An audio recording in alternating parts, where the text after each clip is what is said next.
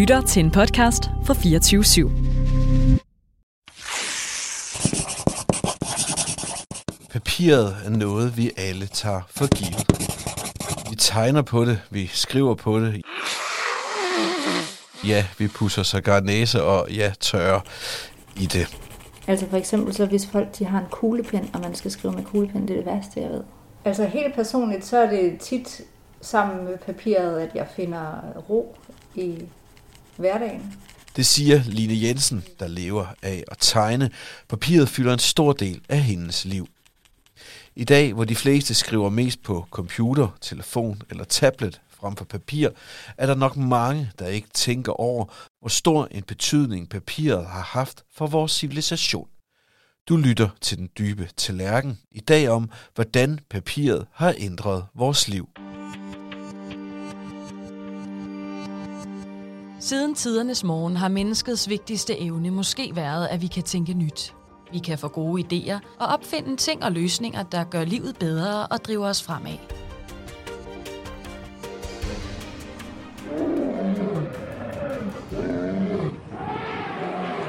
Vi forlod savannen.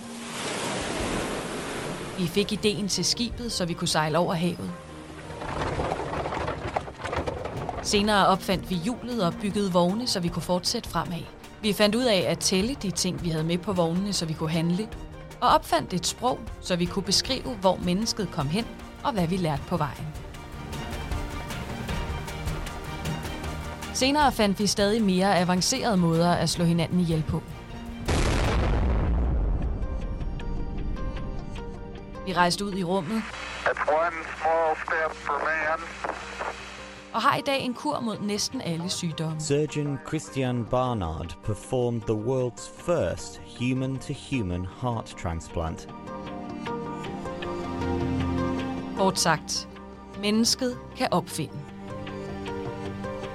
I en række programmer går vi tæt på de mest afgørende opfindelser i vores historie. Også dem, du ikke lige tænker på. Vi finder ud af, hvordan og hvorfor de blev opfundet, men specielt undersøger vi, hvordan de har forandret vores liv. Det her er den Dybe Tallerken. Ja, jeg hedder Line øh, Jensen, og jeg er tegner. Øhm, jeg tegner blyantstegninger i min skitsebog, og så øh, poster jeg dem på Instagram, og det er sådan mit, mit primære arbejde. Og så udover det, så har jeg lavet to bøger med mine Instagram-tegninger. Hver dag starter det forfra og det store regnestykke, og så har jeg lige udgivet en børnebog om to Ditlevsens barndom, som også er en tegnet fortælling. Og så øh, sælger jeg øh, prints og bøger og mulepøser og t-shirts og alt muligt med mine tegninger på, på min webshop. Og hvordan øh, startede din kærlighed til øh, tegninger og papir? Altså jeg tror i virkeligheden, at, øh, at den er startet ligesom, altså rigtig mange børn elsker at sidde og tegne og gnatte med farver og klippe i papir. Og, og det gjorde jeg også, og så, øh, så gik der bare meget, meget lang tid, før jeg holdt op. Øhm, jeg tegnede sådan langt op i min, nej, kort op i mine 20'ere, vil jeg nok sige. Øhm, jeg havde sådan et, en kort øh, tur ind omkring kunsthistorie på universitetet, hvor jeg troede, man også kunne tegne rigtig meget, og det kunne man ikke, og der kunne jeg godt mærke, at der savnede jeg det, så der, der øh, stoppede jeg og gik på kunsthøjskole i stedet for, og søgte ind på grafisk højskole for at blive grafisk designer, hvor jeg tænkte, der var noget mere kreativt i. Og det var der jo også, men det jeg så opdagede der, var, at det handlede rigtig meget om altså computer selvfølgelig, som jeg overhovedet ikke kendte noget til på det tidspunkt. Det var i 2000. Og jeg sad sådan nærmest første skoledag og var sådan, hvor tænder man den ene? Altså jeg var sådan helt blank.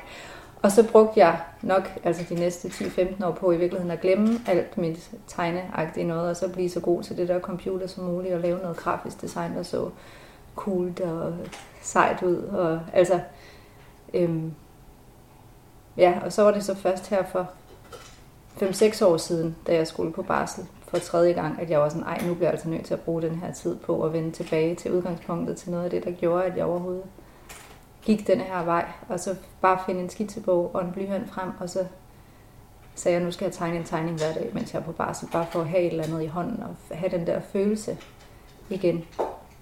Øhm, og det er så det, der ligesom er blevet min, min karriere siden.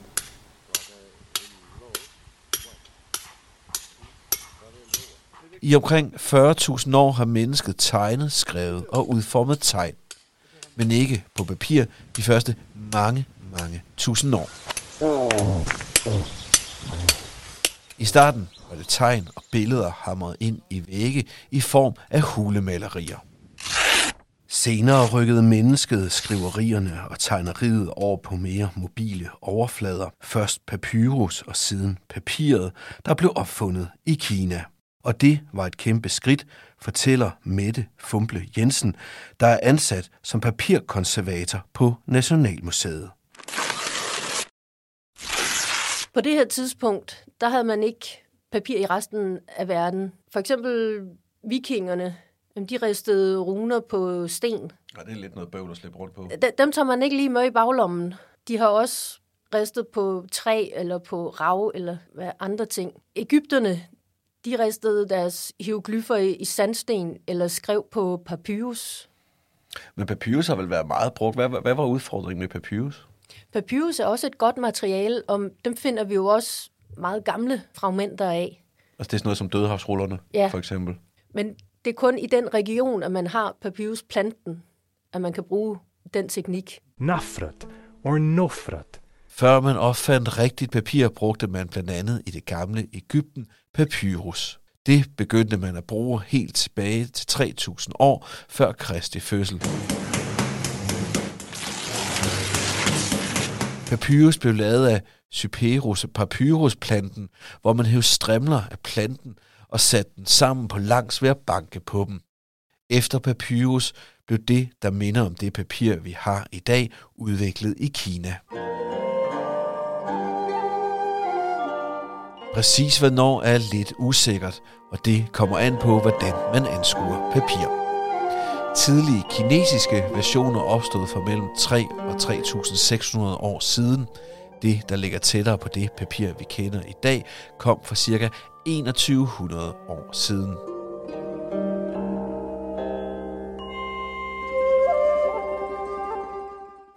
Og så skal du simpelthen fortælle mig, hvem, hvor og hvornår opfandt man så papiret? Selve opfindelsen af papir er tilskrevet en mand, der hed Chang Lung, som var en kinesisk hofembedsmand. I år 105, der rapporterede han til den kinesiske kejser om opfindelsen af papir. Og det er den første ligesom, registrering, en beskrivelse af papir. Så derfor der tilskrives han selve opfindelsen. Der har været noget forud for papir, hvor at man af tekstilrester og af, af bark har lavet noget lignende. Men Jalung, han har sandsynligvis arbejdet med det og også forbedret processen, men han er i hvert fald den første, der beskriver det over for kejseren. Så det er ikke sådan, at han som en eller anden anden uh, Aristoteles uh, uh, eller en Leonardo da Vinci uh, eller en Thomas Edison har sat sig ned og fået en genial idé. Han er mere en, der har sat noget, en proces, der har været i gang længe i system. Ja, han har ligesom forfinet en, en proces og beskrevet den og gjort, at, den har kunnet spredes. Hvad har man brugt indtil da? I det kinesiske rige, der har man brugt meget at øh, skrive på bambus, eller man har skrevet på silke, og brugt det som et middel for at få øh, sine ordre fra den ene ende ride til den anden. Men bambus var tungt at rejse med, og silke var ret dyrt og eksklusivt materiale. Så papiret, det er stofrester eller bark, som man kan banke sammen. Og man kan vel også altså, få det til at fylde mindre og kl- klemme det sammen. Man kan få det til at fylde mindre, billigere end silke, og det er lettere end bambus. Hvad er det så for nogle øh, omstændigheder, der gør, altså man siger det her med, at han, han sætter en, en proces i, i system, og det, er han, der beskriver det sådan noget, men hvilken omstændighed gjorde, at det ligesom var, var nu på det tidspunkt, det blev opfundet? Den kinesiske kejser, han havde jo et kæmpe rige, som han skulle styre. Og han skulle være sikker på, at hans ordre kunne komme fra den ene ende ride til den anden. Så han, han havde simpelthen skulle bruge det til at styre og konsolidere sin magt. Senere der har trosamfund også brugt det som en magtfaktor. Op i middelalderen i Europa, der var det kirken og de lærte, som kunne læse og som kunne skrive og nedfælde øh, historien. Så på et eller andet tidspunkt, så kommer det jo videre fra Kina. Hvordan sker det? Det kommer videre fra Kina, fordi det kommer med Silkevejen til Samarkand, som er ligesom slutruten på, på Silkevejen. Der, der er der nogle øh, store slag på øh, et tidspunkt, hvor araberne de tager nogle mm, kinesere til krigsfanger, og blandt dem så er der nogen, der kan noget om at lave papir. Man kalder dem papirmager, men det har muligvis været nogle garnisonssoldater, som har kunnet lave en primitiv form for papir, sådan så de også har kunnet sende beskeder tilbage. Det har ikke været de ypperste af Kinas papirmager, der har siddet. Det er sådan en voldsom, øh, lidt gammeldags, men øh, effektiv form for industrispionage. Det er, at man erobrer simpelthen dem, der ved noget. Man erobrer nogen, som ved noget, og så får man dem til at arbejde for sig, og så lærer man at lave papir som dem. Så det vil sige, der kommer det via araberne til Bagdad og Damaskus, og så kommer det videre til Ægypten og Marokko, og derfra kommer det op i Europa.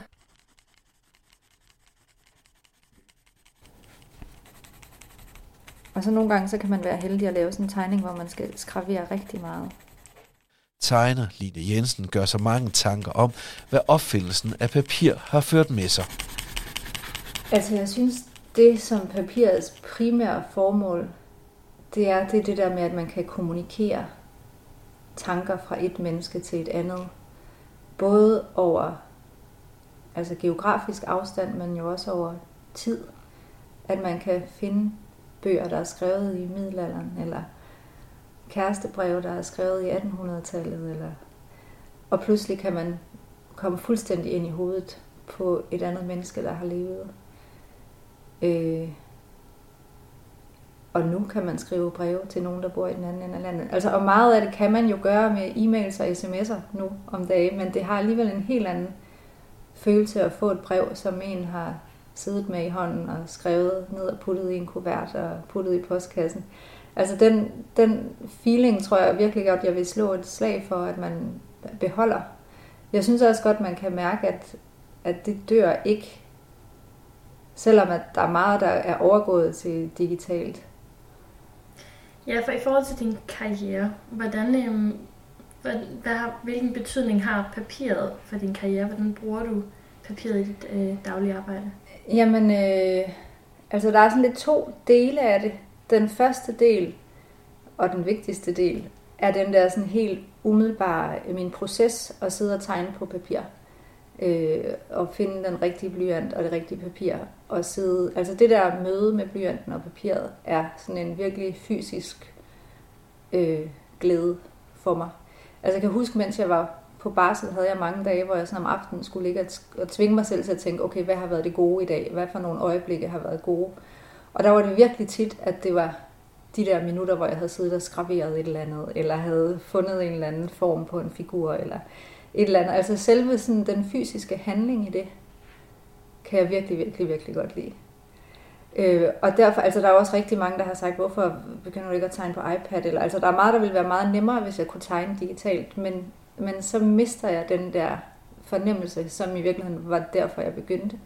Så jeg holder fast i stadigvæk, at jeg tegner alle mine tegninger i hånden, og så bagefter er der kæmpe arbejde med at scanne dem og rense dem og få dem ind, hvis de skal bruges til noget bagefter. Ikke? Øhm, og så den anden del, det er jo, når jeg skal sælge mine ting, når de skal trykkes og øh, pakkes og sendes ud, så er det jo også helt vildt vigtigt for mig selvfølgelig, hvad for noget papir de bliver trykt på.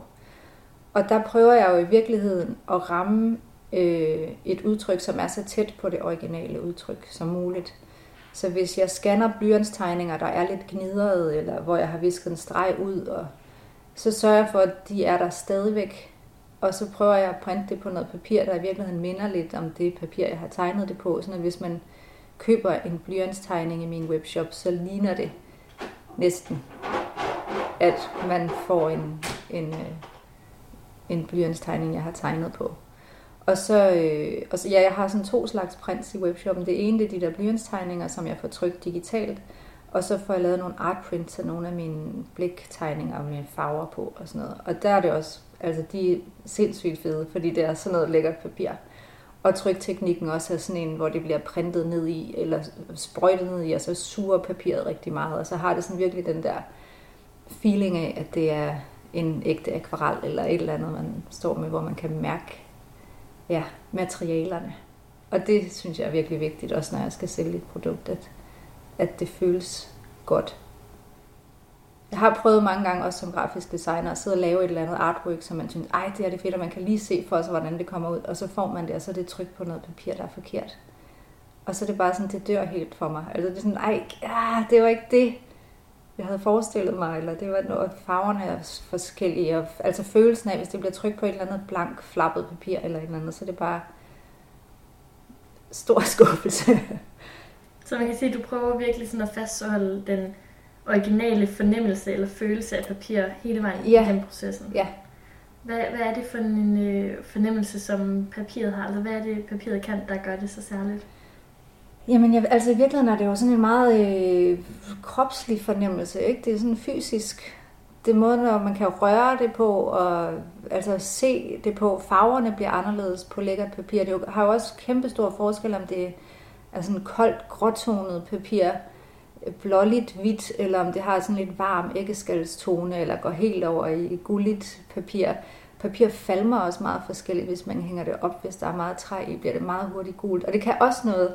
Altså papir er bare sådan det, det tredje element på en eller anden måde i, i et værk. At, altså hvad for et materiale det er lavet på. Ikke? En ting er, hvad der står på eller er tegnet på, men, men papiret giver noget, uanset om man vil det eller ej. Så jeg synes lige så godt, man kan prøve at være opmærksom på det og få det til at spille med. Hvordan vil du sige, det gør dig til den, du er? synes jeg, jeg har et meget nært forhold til papir. Det er nok ikke altid, jeg er sådan super bevidst om, at det er det, eller at det lige er papiret, der gør det. Øh, men jeg kan jo meget tydeligt mærke, hvis jeg har det forkerte papir, for eksempel.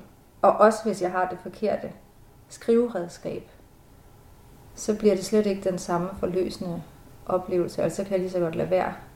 Så på den måde er det ret vigtigt, at jeg har en, en skitsbog inden for rækkevidde, som er af den rigtige kvalitet. I 1690 blev den første rigtige papirmølle bygget i Philadelphia i USA. I to årtier var denne papirmølle bygget af William Bradford, centrum for papirproduktion og trykkevirksomhed. Det nordøstlige USA vedblev mere at være centrum for papirproduktion i verden. I 2018 havde International Paper, verdens største papirfabrikant, stadig 20% af markedsandelen på verdensplan. Den teknologiske udvikling i trykkerierne havde enorm betydning for udbredelsen af informationer og demokratisering. Informationer blev lettere at få fat i for flere mennesker via bøger og aviser, og det skubbede samfundsudviklingen i retning af mere oplysning til folket. In Berlin wie in anderen Universitätsstädten Deutschlands wurden undeutsche und unsittliche Bücher von den Studenten eingesammelt und öffentlich verbrannt. Naturligvis med triste tilbageslag, som da nazisterne brændte bøger i 30'erne. Hvorfor bliver det vigtigt for, for samtiden, at den her opfindelse kommer? Det bliver vigtigt, fordi at de kan bruge det som en styring af information. De kan bruge det også til at bekræfte for eksempel handelsaftaler, når de sender varer. For de her mennesker, der så kommer ind i klosterne eller på universiteterne, det her, man lige pludselig har papir, hvilken betydning får det? Det betyder meget, fordi man begynder at kunne producere mere skriftligt materiale. Man kan lave meget papir for at lave en bog, men hvis du skal lave en bog af pergament, så er der mange dyr, du skal have slagtet for at få deres huder, så du kan lave pergamenten, som du kan lave bogen af. Det her papir her, bliver det tilgængeligt for alle med det samme, eller hvordan er udviklingen i det? Det bliver gradvist tilgængeligt, men der er altid lidt større efterspørgsel, end der er produktion af papir øh, i, i Europa. Og efterspørgelsen vokser bare. Man begynder at lave mere og mere papir. Øh, I Danmark der har vi kendt til papiret siden 1300-tallet. Men vi har først lavet papirmøller, som kunne fabrikere papir i slutningen af 1500-tallet. Og hvad er det, der gør, at man begynder at bygge de her papirmøller rundt omkring i, i Europa? Det er for at kunne producere papir, fordi det er blevet en vigtig handelsvare. Man kan tjene mange penge på Ja. papir. Hvad er det for et behov, der opstår? Hvad er det for en udvikling, det understøtter? Da man begynder at lave sædler, så kan man gøre det på papir, fordi du kan ikke rette på papir, uden det kan ses. På pergament kan du rette, uden at det kan ses. Så det er også sådan lidt med dokumentfalsk. Det bliver sværere I dag er meget af det, vi før brugte papir til, blevet digitalt. Vi skriver e-mails i stedet for at sende breve. Vi læser e-bøger i stedet for trygte bøger. Find de bedste bøger på Mofibo. Eller vi hører lydbøger. This is CNN. Og informationen, vi engang fik på papir, får vi så i dag på tv, på vores tablet, på vores smartphones. Eller ja, på computere. Men at vi ikke længere får så meget information fra trygte papirkilder som tidligere, ændrer ikke på, at papiret har været vel den væsentligste faktor for udbredelsen af information og af menneskets intellektuelle udvikling. For uden papiret og alle de ting, der fulgte med, havde mennesket ikke kunne skabe og udvikle mange af de ting, der gør, at vi i dag er, hvor vi er. Havde vi ikke haft papir, havde vi ikke haft samme sprogudvikling, uden tegn på hulevægge og senere forhistoriske skriblerier på papyrus og ja, papir, havde vi ikke haft sprog og kommunikation på det niveau, vi har. Og så havde vi været en markant fattigere civilisation. For Mette Fumble Jensen er der slet ingen tvivl om, hvor vigtig en opfindelse papiret har været. Ja, både papiret og øh, trykkunsten, det har simpelthen været en bærende faktor i, at reformationen og hele opløsningstiden kunne komme i gang, fordi hvis de her mennesker havde siddet isoleret og kun kunne have afskrevet deres idéer i hånden, så havde de ikke kunnet nå at udbrede deres idéer. Nej, så var det blevet en meget lille samtale. Inden at kirken kom og, og lagde lov på dem igen. Altså, så, det, så det gør viden tilgængelig for alle? Viden gør det tilgængelig, og diskussionen om viden kommer også ud sådan så at man virkelig kan komme ud og, og sætte reformation i gang. Altså Luther får hurtigt øh, respons på sine idéer også, og de udvikles videre, så den katolske kirke kan ikke nå at lægge lov på ham, fordi de kan godt nå at opsnappe et eller to skrifter, men det er jo trygt i mange eksemplarer og spredt ud over det hele. Hvis man helt havde haft papir, så havde man heller ikke haft den udbredelse af aviser og ublade, som man, man har haft. Hvordan oplever du, at papir er med til at forme vores kultur i dag? Den har en stor betydning, men det er mere, det moderne menneske har det som en selvfølgelighed. Vi har papir. Vi har papir ude på toilettet, vi har øh, kaffefiltre i køkkenet og køkkenrulle, som vi bare bruger og smider væk. Det blev en meget naturlig del af vores samfund. Hvor havde vi så egentlig været, hvis, vi ikke, hvis papiret ikke var blevet opfundet? Jeg tror, mennesket havde fundet på noget andet materiale til at få øh, delt viden og delt budskaber til hinanden. Man havde fundet på noget andet at, at, at gøre. Ligesom man nu er ved at erstatte papiret med digitale medier. Jamen, du, får, du får det næsten til at lyde, som om papiret ikke har været vigtigt. Og papiret har været ekstremt vigtigt. Vi havde ikke været øh, der, hvor vi er nu, hvis vi ikke havde haft papiret. Vi er på vej, siger nogen i hvert fald, på vej mod det papirløse samfund. Hvordan, hvordan ser du fremtiden for papiret?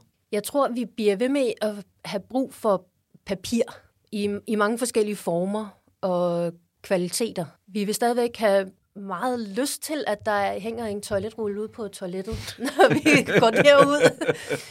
øhm, og vi... der, må, der må være en mere romantisk fremtid for det også. det er der også. Fordi vi er, selvom vi er så øh, øh, digitale nu, så vil vi også gerne have lidt kunst på væggene, og hvis det for eksempel er grafiske værker, der er man meget op på kvaliteten af papiret. Så vi har både forgængeligt papir, som er sådan noget her nu, at vi bruger til at øh, hænge opslag op nede i gården med, at Lille Mies kat er forsvundet. Har du set den? Til toiletpapir, til kunstpapir, som vi kan lave fin kunst på. Så vi har, vi har brug for mange typer af papir. Det tror jeg, vi bliver ved med. Og pap er et rigtig godt materiale, når vi skal have emballeret ting. Vi vil jo gerne væk fra nogle af alle de her plastikting. Og der kan papir overtage noget af plastikkens funktion. For Line Jensen er det at have ting i hånden lavet af andre mennesker frem for digitale dokumenter stadig vigtigt her i 2021. Så er det stadigvæk vigtigt at have ting i hånden, som andre mennesker har lavet. Både breve eller tegninger, men jo også bøger, som også for 20 år siden var sådan, nu dør alle bøgerne, nu dør alle brevene. Men på en eller anden måde, så er bøger blevet vigtigere end nogensinde, fordi de også er sådan en lille fysisk manifestation af et værk, og det bliver en fysisk oplevelse at læse dem. Altså selve handlingen og åbne bogen og læse hver side og bladre. Hele den der fornemmelse vil man ikke give køb på ved at sidde og læse en bog på sin iPad og bare bruge fingeren til at swipe op. Ikke? Og det synes jeg er mega fedt. Altså fordi man bliver også tvunget til at være opmærksom på, gud, jeg vælger det her frem for det andet, fordi jeg faktisk bedre kan lide det. Pludselig bliver det helt vildt vigtigt, hvad for noget papir en bog er trykt på, hvad for et omslag den har, om det er hårdt omslag eller blødt omslag, om der er et fint smusomslag på, hvordan illustrationerne Jeg synes, man kan mærke, at folk gør sig umage med deres trygte ting. Måske på en anden måde, end man gjorde for 20 år siden, fordi der var det jo bare sådan, det var. Men nu skal en bog virkelig være et lille fysisk værk i verden, der selvfølgelig skal afspejle det, der står inde i. Ikke? Hvordan tror du, fremtiden ser ud for papiret? Altså jeg håber, at folk de bliver ved med at være endnu mere bevidste om, at det skal produceres ordentligt. Og så håber jeg også, at folk bliver, gør sig endnu mere umage med at bruge det fornuftigt, altså få trygt ting, som folk gerne vil have. Jeg tror, jeg tror at papiret, papiret har en, en lang og øh, lys fremtid. Jeg tror simpelthen ikke, det er noget, vi kommer til at give op på i forløbet. Det håber jeg virkelig ikke. Jeg tror, at papiret har noget, vi har brug for i verden, som er noget nærvær og noget fysisk fornemmelse, som vores skærme ikke kan.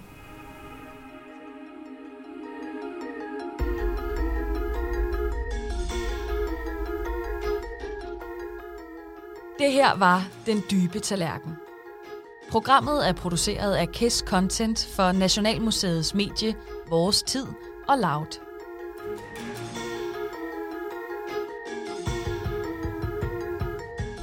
Det er tilrettelagt af Elisa Clarisse Danesi. Teknik, tilrettelæggelse og lyddesign Tom Carstensen.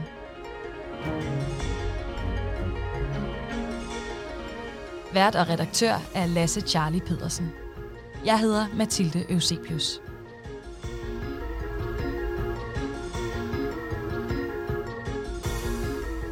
Du kan finde flere episoder af Den Dybe Tallerken, der hvor du hører podcasts. Og naturligvis på vores tid og hos Loud.